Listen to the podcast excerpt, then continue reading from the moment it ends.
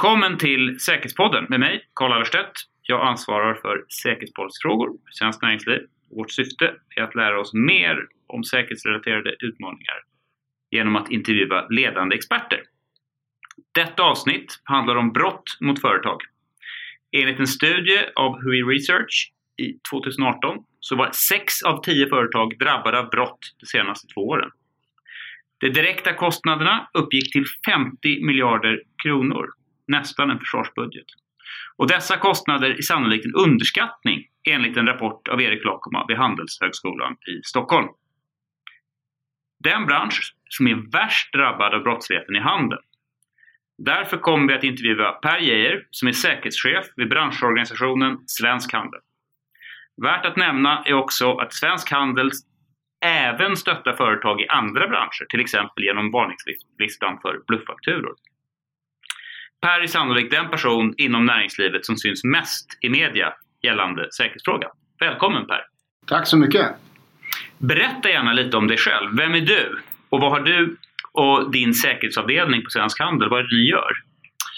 Ja, jag är ju då säkerhetschef på Svensk Handel. Har varit det sedan 2011 och jag har tre kollegor eh, hos mig som hjälper mig att driva säkerhetsarbetet. Och vårt huvudsakliga fokus är ju förstås att hjälpa våra medlemsföretag. Eh, både när det gäller operativ säkerhetsrådgivning men också för att få till förändringar i, i lagstiftning eller arbetssätt hos olika myndigheter och få helt enkelt våra medlemmars vardag att bli lite, lite tryggare.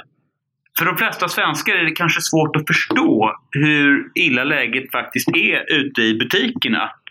Hur ser vardagen ut för många av våra handlare? Hur ofta blir en större matbutik, kanske i ett sämre område, utsatt för brott? Ja, handeln är ju väldigt, väldigt brottsutsatt. Jag sa att vi var, vi var fyra stycken som jobbar eh, med säkerhet på Svensk Handel och, och, det finns egentligen ingen annan medlemsorganisation som, som har någon på heltid. Det säger lite om, om hur vi har prioriterat den här frågan och, och det beror ju på att, att vi har stora behov. Eh, jag vill påstå att att de flesta av våra medlemsföretag drabbas av brottslighet någon gång under året och vissa av dem gör det faktiskt dagligen i form av stölder, hot, våld och trakasserier. Så för vissa medlemmar så är situationen direkt besvärlig. Och vad är det för brott de blir utsatta för? Ja men det är ju vanligtvis det som vi brukar kalla lite vanvördigt för mängdbrott. Det som samhället inte tycker är särskilt allvarligt och, och, och, det man på något sätt nästan får lära sig att leva med.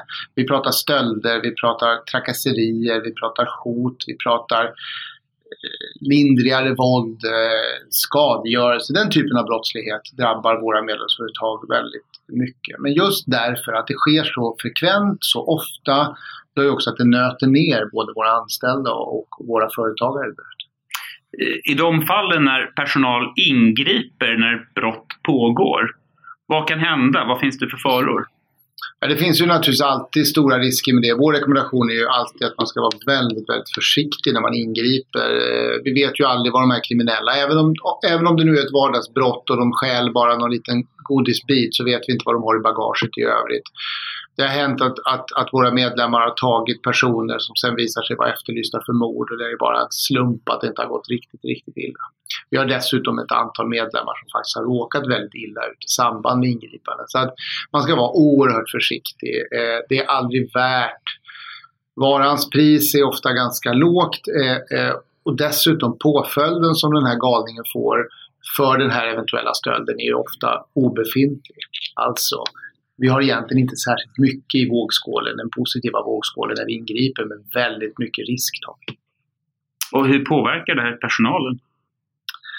Ja men dels så, så är det ju naturligtvis så att, att just den där situationen, den hotfulla situationen är ju väldigt besvärlig. Men det finns ju också en frustration förstås hos de som jobbar i handeln och en känsla av att vilja ingripa när någon kommer in och, och, och, tar av mina saker i butiken och, och bråkar med mina kollegor. Att man, man, vill faktiskt markera att det här är inte okej. Okay. Så att det där blir, det blir en, en påfrestning både när man ingriper och när man inte ingriper.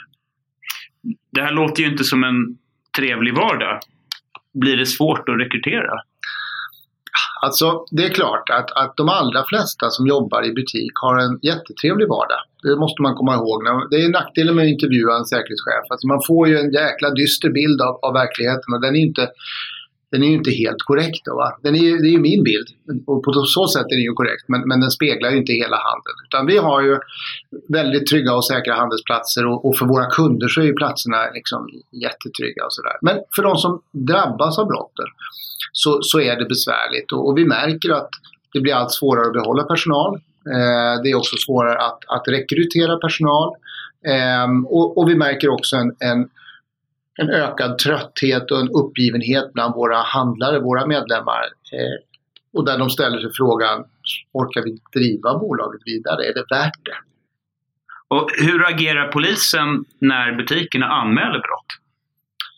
Ja, det är ju tyvärr väldigt få av de brott som drabbar handeln som polisanmäls. Vi pratar om på stöldsidan att det är ungefär bara ja, cirka 2% i vår bedömning som polisanmäls.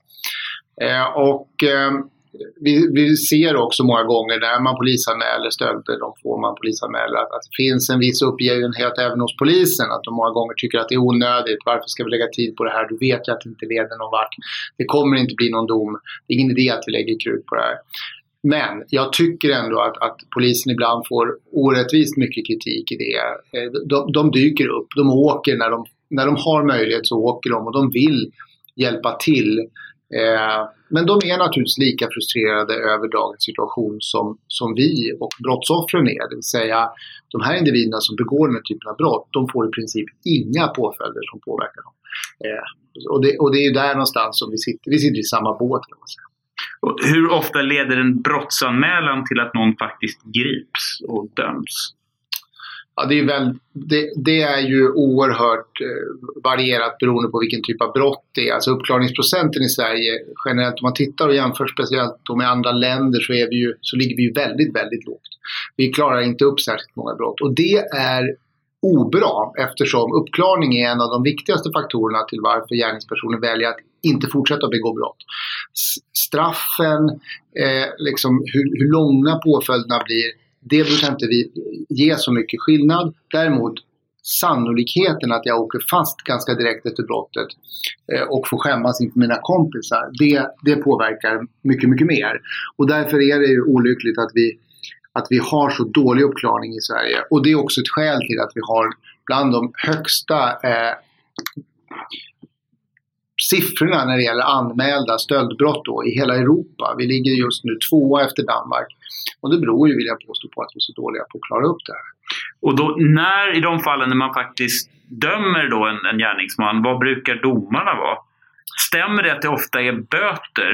De som är dömda eh, betalar sällan de här böterna också vad jag förstår. Ja, alltså vi har gjort en del utredningar på det här och, och det kan man ju konstatera då att det är väldigt, väldigt, det är väldigt få av brotten som anmäls.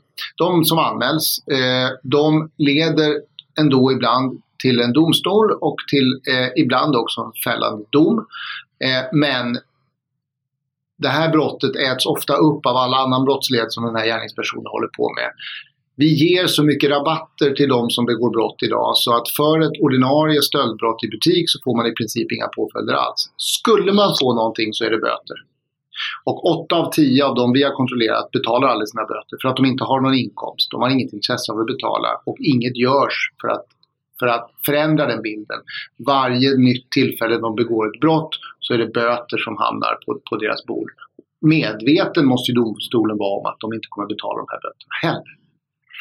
Allt det här du säger, eh, hur påverkar det företagets vilja att faktiskt anmäla brotten? Ja, vi har ju sett under flera år när vi har mätt eh, stölder så ser vi hur de ökar och samtidigt säger Brå att stölder i butik minskar. Och vår förklaring har ju då varit att det måste vara anmälningsbenägenheten som minskar. Alltså viljan att anmäla måste sjunka. Eh, och vi har då frågat varför anmäler ni inte brotten? Och vi får en väldigt unison bild där. Det är ingen idé. Det leder ingen vart. Eh, de här gärningspersonerna är ute direkt. Eh, polisen släpper dem ofta direkt utanför dörren eh, och de får inga påföljder. För det första tar det väldigt lång tid till, dom, till domstol. Och sen så äts det upp av det där narkotikabrottet eller, eller vapenbrottet eller vad de nu har mer. Eller de andra tio stöldbrotten de redan hade begått tidigare under dagen som då också konsumerar det här. Så att det finns en uppgivenhet där ute att, att det här inte leder någon vart. Man tar helt enkelt inte företagarens som brottsoffer på allvar i det här läget. Och konsekvensen av det här blir då att vi inte kan lita på den officiella statistiken. Det ger en missvisande bild. En, en, en oerhört missvisande bild vill jag påstå. Den är så långt från sanningen som man kan komma och det, det, det är viktigt. Jag tycker BRÅ-statistik är, är användbar men det är viktigt att säga att det här är de polisanmälda brotten. Det här visar inte brottsligheten i samhället. Per Bygdesson, VD för Livsmedelshandlarna, har talat om vad man i USA kallar food deserts, alltså matöknar. Mm. Områden där de stora matvarukedjorna är ovilliga att etablera sig på grund av säkerhetsläget. Han säger att det även finns områden i Sverige där de stora kedjorna är ovilliga att driva verksamhet på grund av säkerhetsläget. Stämmer det med, med din bild? Absolut. Vi, vi har ett, eh, ett antal riktigt stora eh, kedjor som vi jobbar väldigt nära och där man uttryckligen eh, har lagt in det här i sin etableringsplan. Att finns det en otrygghet i området då etablerar man sig inte. Och det blir inga rubriker av det. Det blir inte som det blir när man kanske lägger ner en verksamhet så blir det ofta lite media. Men, men när man väljer att inte investera eh, att, att inte sätta sin flaggskeppsbutik i närheten eller att inte etablera sig överhuvudtaget. Då, det, som, det som det resulterar i bara, är bara en en långsam erodering av utbudet i det här området. Och har man otur att bo där då så kommer man inte kunna få tillgång till det utbudet som jag får i det området där jag bor som anses vara tryggt.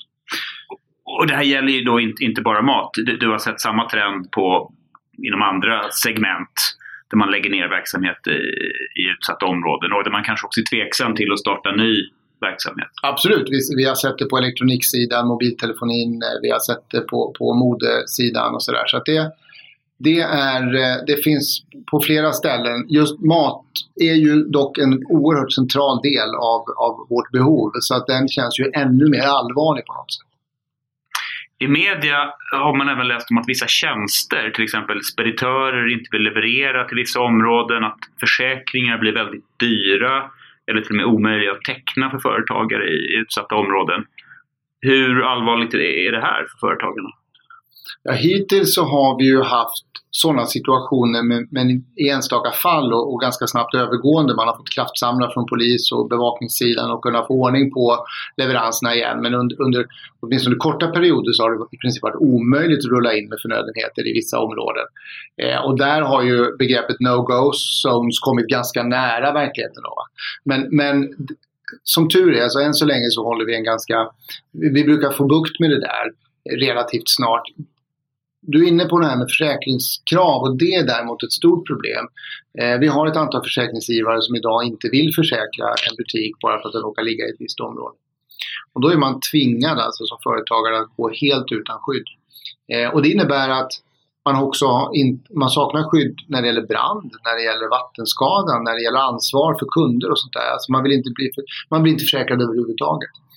Och, och det där som företagare, man är så riskutsatt ändå. Alltså man behöver kunna ha tryggheten av en bra försäkring i ryggen. Och en lösning är ju då att, att knyta sig faktiskt till en branschorganisation äh, som då ska kunna garantera att man faktiskt får en sån försäkring vi har också fått kämpa för det. Jag var helt övertygad om att vi, vi hade täckning för det eh, för några år sedan och sen visade det sig att vår försäkringsgivare började skära i kurvorna och vägrade och, och, och, och försäkra vissa av våra medlemmar. Och det var faktiskt en ganska blodig kamp innan vi fick ordning på det igen. Eh, men det tycker jag är ett minimikrav. Att, att en, en, medlemsgrupp ska faktiskt kunna försäkra sig. Sen kan man ha tuffa villkor. Man kan, ha, man kan sänka ersättningen exempelvis för hur mycket guld eller vad man nu kan ha som man får förvara fritt och sådär. Det är fine. Men man ska kunna ha en basförsäkring. I, I vissa områden i världen, till exempel i Palermo där jag själv har bott, är det standard att företagare betalar till den organiserade brottsligheten för att slippa problem. En sorts skatt till kriminella beskyddspengar. Hur vanligt tror du att det är i Sverige? Och vågar de drabbade företagen ens prata om det här? Ja, det, är svår, det är förstås svårt att svara på. Vi, vi har haft ett antal sådana ärenden och vi tror oss veta att det finns väldigt många andra som gömmer sig som mörkertal här av just det skälet att man vågar inte prata. Man är så pass rädd för de här grupperingarna. Man kanske också har haft lite tvivelaktiga affärer själv. Man kanske har samverkat med de här aktörerna tidigare och har också svårt då att ta hjälp från polis eller andra funktioner. Så att det finns ett stort mörkertal.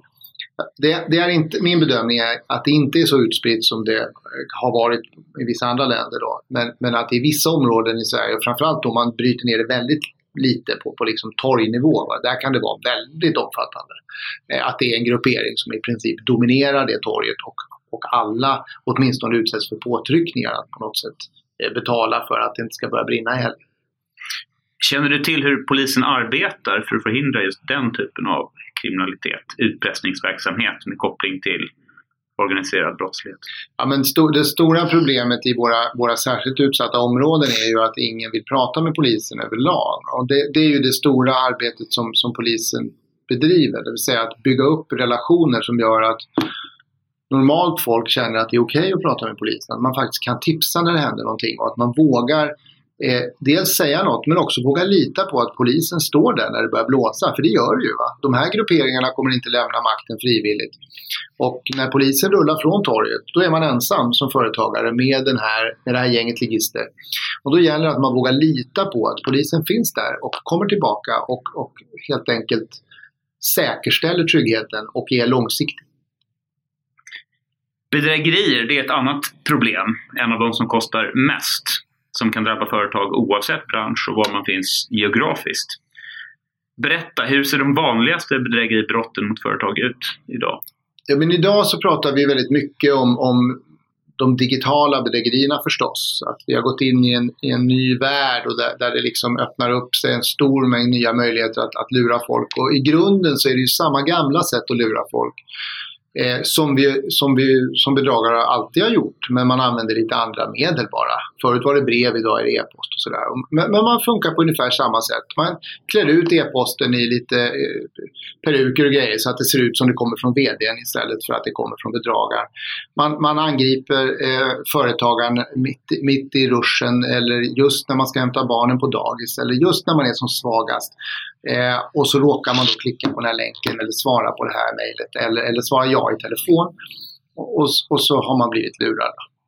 Eh, och det här är någonting som ökar väldigt kraftigt. Det är den typen av bedrägeri som ökar allra mest i Sverige. Eller den typ av brott, förlåt, som, som, som ökar allra mest i Sverige.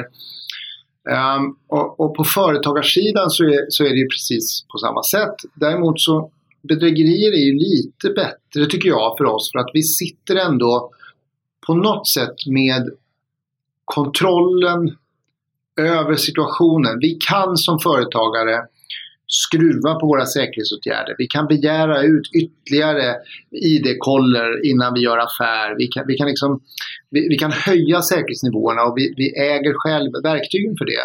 Eh, och så kan vi balansera det mot angreppen och se hur mycket förluster har vi i bedrägerier. Många andra brott, exempelvis stöldbrott och rån och annat, där saknar vi verktygen. Där blir vi angripna och, och, kan inte värja oss. Så att på det sättet så är ändå bedrä bedrägerierna lättare för oss. Det kan vara oerhört pinsamt att bli lurad. Det märker vi inte minst på vd-bedrägerierna. Det när det kommer ett mail som ser ut att komma från vd där man eh, beordras att betala ut 100 000 till ett konto någonstans. Eh, och så gör man det utan att ha dubbelkollat med chefen. Och det är klart att då blir chefen sur sen. För att det där var ju en luring. Och, och, och, så tycker man att det är jättejobbigt. Men, men som sagt, det är ganska lätt att komma runt det med en vettig rutin. Kanske ska ringa chefen innan man betalar ut 100 000. Och hur, hur hjälper ni era medlemsföretag att hantera just bedrägeriförsöken? Ja, men vi har många olika sätt att göra det. Dels har vi ju då den, den, direkta rådgivningen som vi har när folk ringer in till oss. Men sen har vi också varningslistan eh, som, som listar bedrägliga bolag eh, och som skickar ut olika typer av det vi brukar kalla för blufffakturor. Men sen har vi också det som vi kallar för vårt säkerhetscenter som, som kretsar egentligen kring en mobilapp. Och den är ju tillgänglig för alla, den är inte bara för våra medlemmar. Den är ju för alla Svenskt Näringslivsmedlemmar men också för alla andra företagare. Där skickar vi också regelbundet ut varningar. Vi, vi får in, man kan via appen anmäla brott och andra händelser och när vi får in de brotten så kan vi se mönster och vi går då ut med varningar. Senast nu var det ju falska 500-lappar i stora delar av Sverige som vi kunde gå ut och, och tipsa om och visa hur de ser ut och, och vad man ska göra. Eh, mycket av de här varningarna har just handlat om bedrägerier för att de de sprider sig så oerhört lätt. De är inte begränsade till ett specifikt område där det bor kriminella utan bedrägerier ofta sker då på, på, på, på mycket större ytor och då funkar det väldigt bra med den här typen av varningar. Att vi når väldigt fort de som använder vår app eh, med specifika varningar. Så det är ett sätt som har, som har visat sig väldigt effektivt. Vad skulle du säga, vad är det viktigaste att tänka på för att skydda sig mot bedrägerier? Ja, men jag tror grundregeln är att, att aldrig ha bråttom. Eh, det som kännetecknar alla bedragare egentligen som vi hanterar det är att de alltid påstår att det är så jäkla bråttom hela tiden. Nej, du hinner inte googla. Du måste svara på det här nu. Du måste, det, det här erbjudandet gäller bara i fem minuter. Så om du inte svarar nu så, så ger vi det till någon annan. Ja, men så funkar inte näringslivet. Vi jobbar inte så. Vi vill ju ha affärer. Vi väntar gärna de där fem minuterna, bara du säger ja. Va? Så att när någon har bråttom, då ska man dra öronen åt sig. Man kan alltid googla företaget eller gå in på vår hemsida och läsa. Eh, och just när man får den här luckan lite och man inte står mitt i dagiskön eller i, i kassan på ICA och ska betala eller vad det nu är. Då brukar poletten trilla ner att vänta, det här är nog lite för bra för att vara sant. Eh, och så gör man sin research och så konstaterar man att det här vill jag inte ha. Om du tar en helhetsbild av brottsligheten mot företag, hur uppfattar du att den har ändrats sedan du började jobba med de här frågorna? Ja, vi, jag vill nog påstå att, att sedan 2011 när jag började så har säkerhetsfrågorna inte någonsin varit så, så i fokus som de är just nu. Och vi hade en ganska, jag hade en ganska lugn period när jag började. 2009 någon gång, då var ju butiksrånen klassiska med vapen och, masker och sånt där. Det var ju det som var det stora. Och sen klingade det av lite grann eh, samtidigt som kontantanvändningen minskade. Och 2014 så började det ju braka loss ordentligt på våren. Och då var det framförallt stöldbrott och också att polisen inte längre hade tid med den typen av brott som drabbade företagen i handeln. Och det, och det sammantaget gjorde att våra medlemmar blev väldigt oroliga. Eh, och, och sen dess har det här på något sätt bara ökat och framförallt så har ju just hot, våld och trakasserier ökat. Det vill säga det som faktiskt gör det lite tråkigare på jobbet, det där som gör att man inte ler på väg till jobbet utan egentligen har lite ont i magen, det har ökat. Och det, det tycker jag är väldigt, väldigt bekymmersamt. Och, och, och inte minst på grund av att, att, ingen annan verkar se det här och tycka att det är bekymmersamt. Och det där, när man har varit ute och pratat med, med medarbetare eh, som har haft de här galningarna i butiken och som har slagit en pistol i munnen på, på kollegan och som, som går in och liksom bara jävlas med personalen så är det svårt att förstå hur inte våra politiker och våra domstolar och andra tar det här på större allvar. Om du tittar in i kristallkulan, hur tror du att det kommer se ut om några år i framtiden? Kommer brottsligheten fortsätta öka och bli grövre? Ja, jag tror tyvärr att vi kommer se en ökad brottslighet och jag tror att vi kommer se en ökad polarisering. Jag tror att vi kommer se eh, eh flyttar av medborgare från eh, så kallade otrygga områden till trygga områden. Eh, vi kommer se mer gated communities. Vi kommer se utbud som minskar på otrygga platser och eh, det kommer finnas fina oaser där vi andra då kan handla i fred och inte behöver bekymra oss om, om samhällets baksida. Det där är en utveckling som egentligen är ganska långt från den svenska modellen med att inkludera alla och, och, och och det, den rimmar väldigt illa med vår syn också från, från handelns sida. Vi vill ju ha så många handelsplatser som möjligt. Vi vill ha så många kunder som möjligt. Vi vill ju inte exkludera någon. Så att det här är en, en det, det, är en olycklig vändning som det har tagit och, och, och jag, jag, jag, tror tyvärr att det kommer, det kommer ta en stund innan, innan våra politiker börjar förstå hur pass allvarligt det här faktiskt börjar bli. Över hälften av svenska butiker har idag fått ändra sitt sortiment på grund av, av brottsligheten i området. Det vill säga, varannan butik har alltså ett annat sortiment än vad vi hade haft om brottsligheten inte hade varit så intensiv. Det vill säga, det här är inte bara idag en fråga om särskilt utsatta områden utan det är väldigt många områden där, där jag som konsument faktiskt får acceptera att jag kan inte handla det jag vill för att brottslingar härjar i området. Det är egentligen fullkomligt oacceptabelt. Ni har många praktiska råd på Svensk Handels hemsida och mer som är tillgängligt för, för medlemmar. Men har du några övergripande råd till företagare som vill göra sin verksamhet säkrare?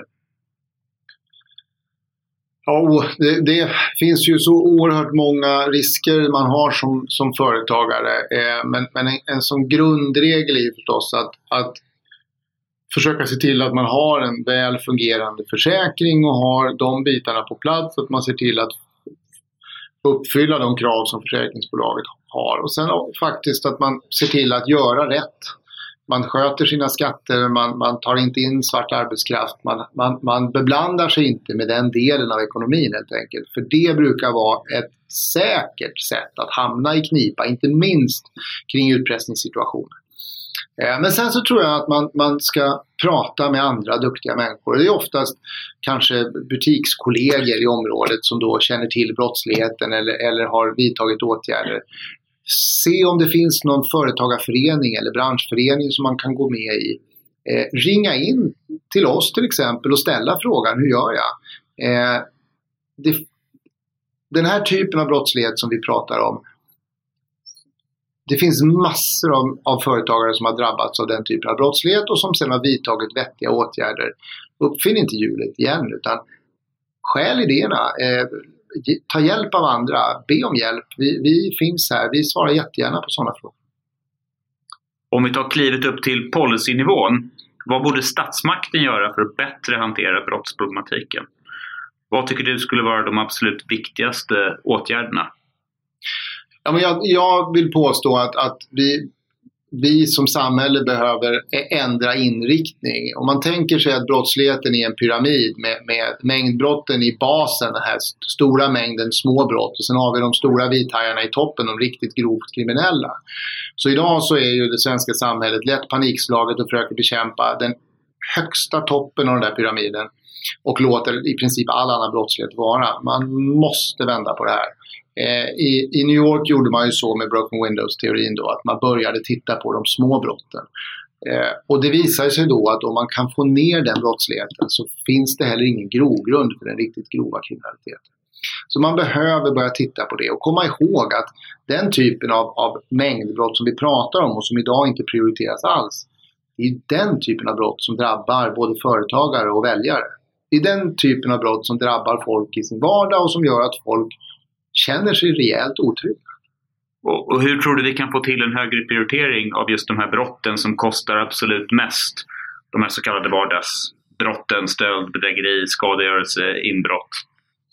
Jag tror att vi behöver vara lite mer osvenska i det. Vi har ju en förmåga att, att lita på våra politiker och känna att de vill nog väl. Men någonstans måste vi nog börja, börja ställa krav på våra folkvalda. Eh, det här borde vara en, en oerhört viktig fråga för väljarna och då behöver man också visa det genom hur man agerar, eh, hur man lägger sin röst och också vilka krav man faktiskt ställer på sina politiker och se till att, att de olika seriösa och trygga partierna faktiskt tar upp de här frågorna på ett bra sätt eh, i sina program. Så att vi faktiskt, jag tror att vi behöver börja ställa krav som medborgare och säga det här är det samhället vi vill ha.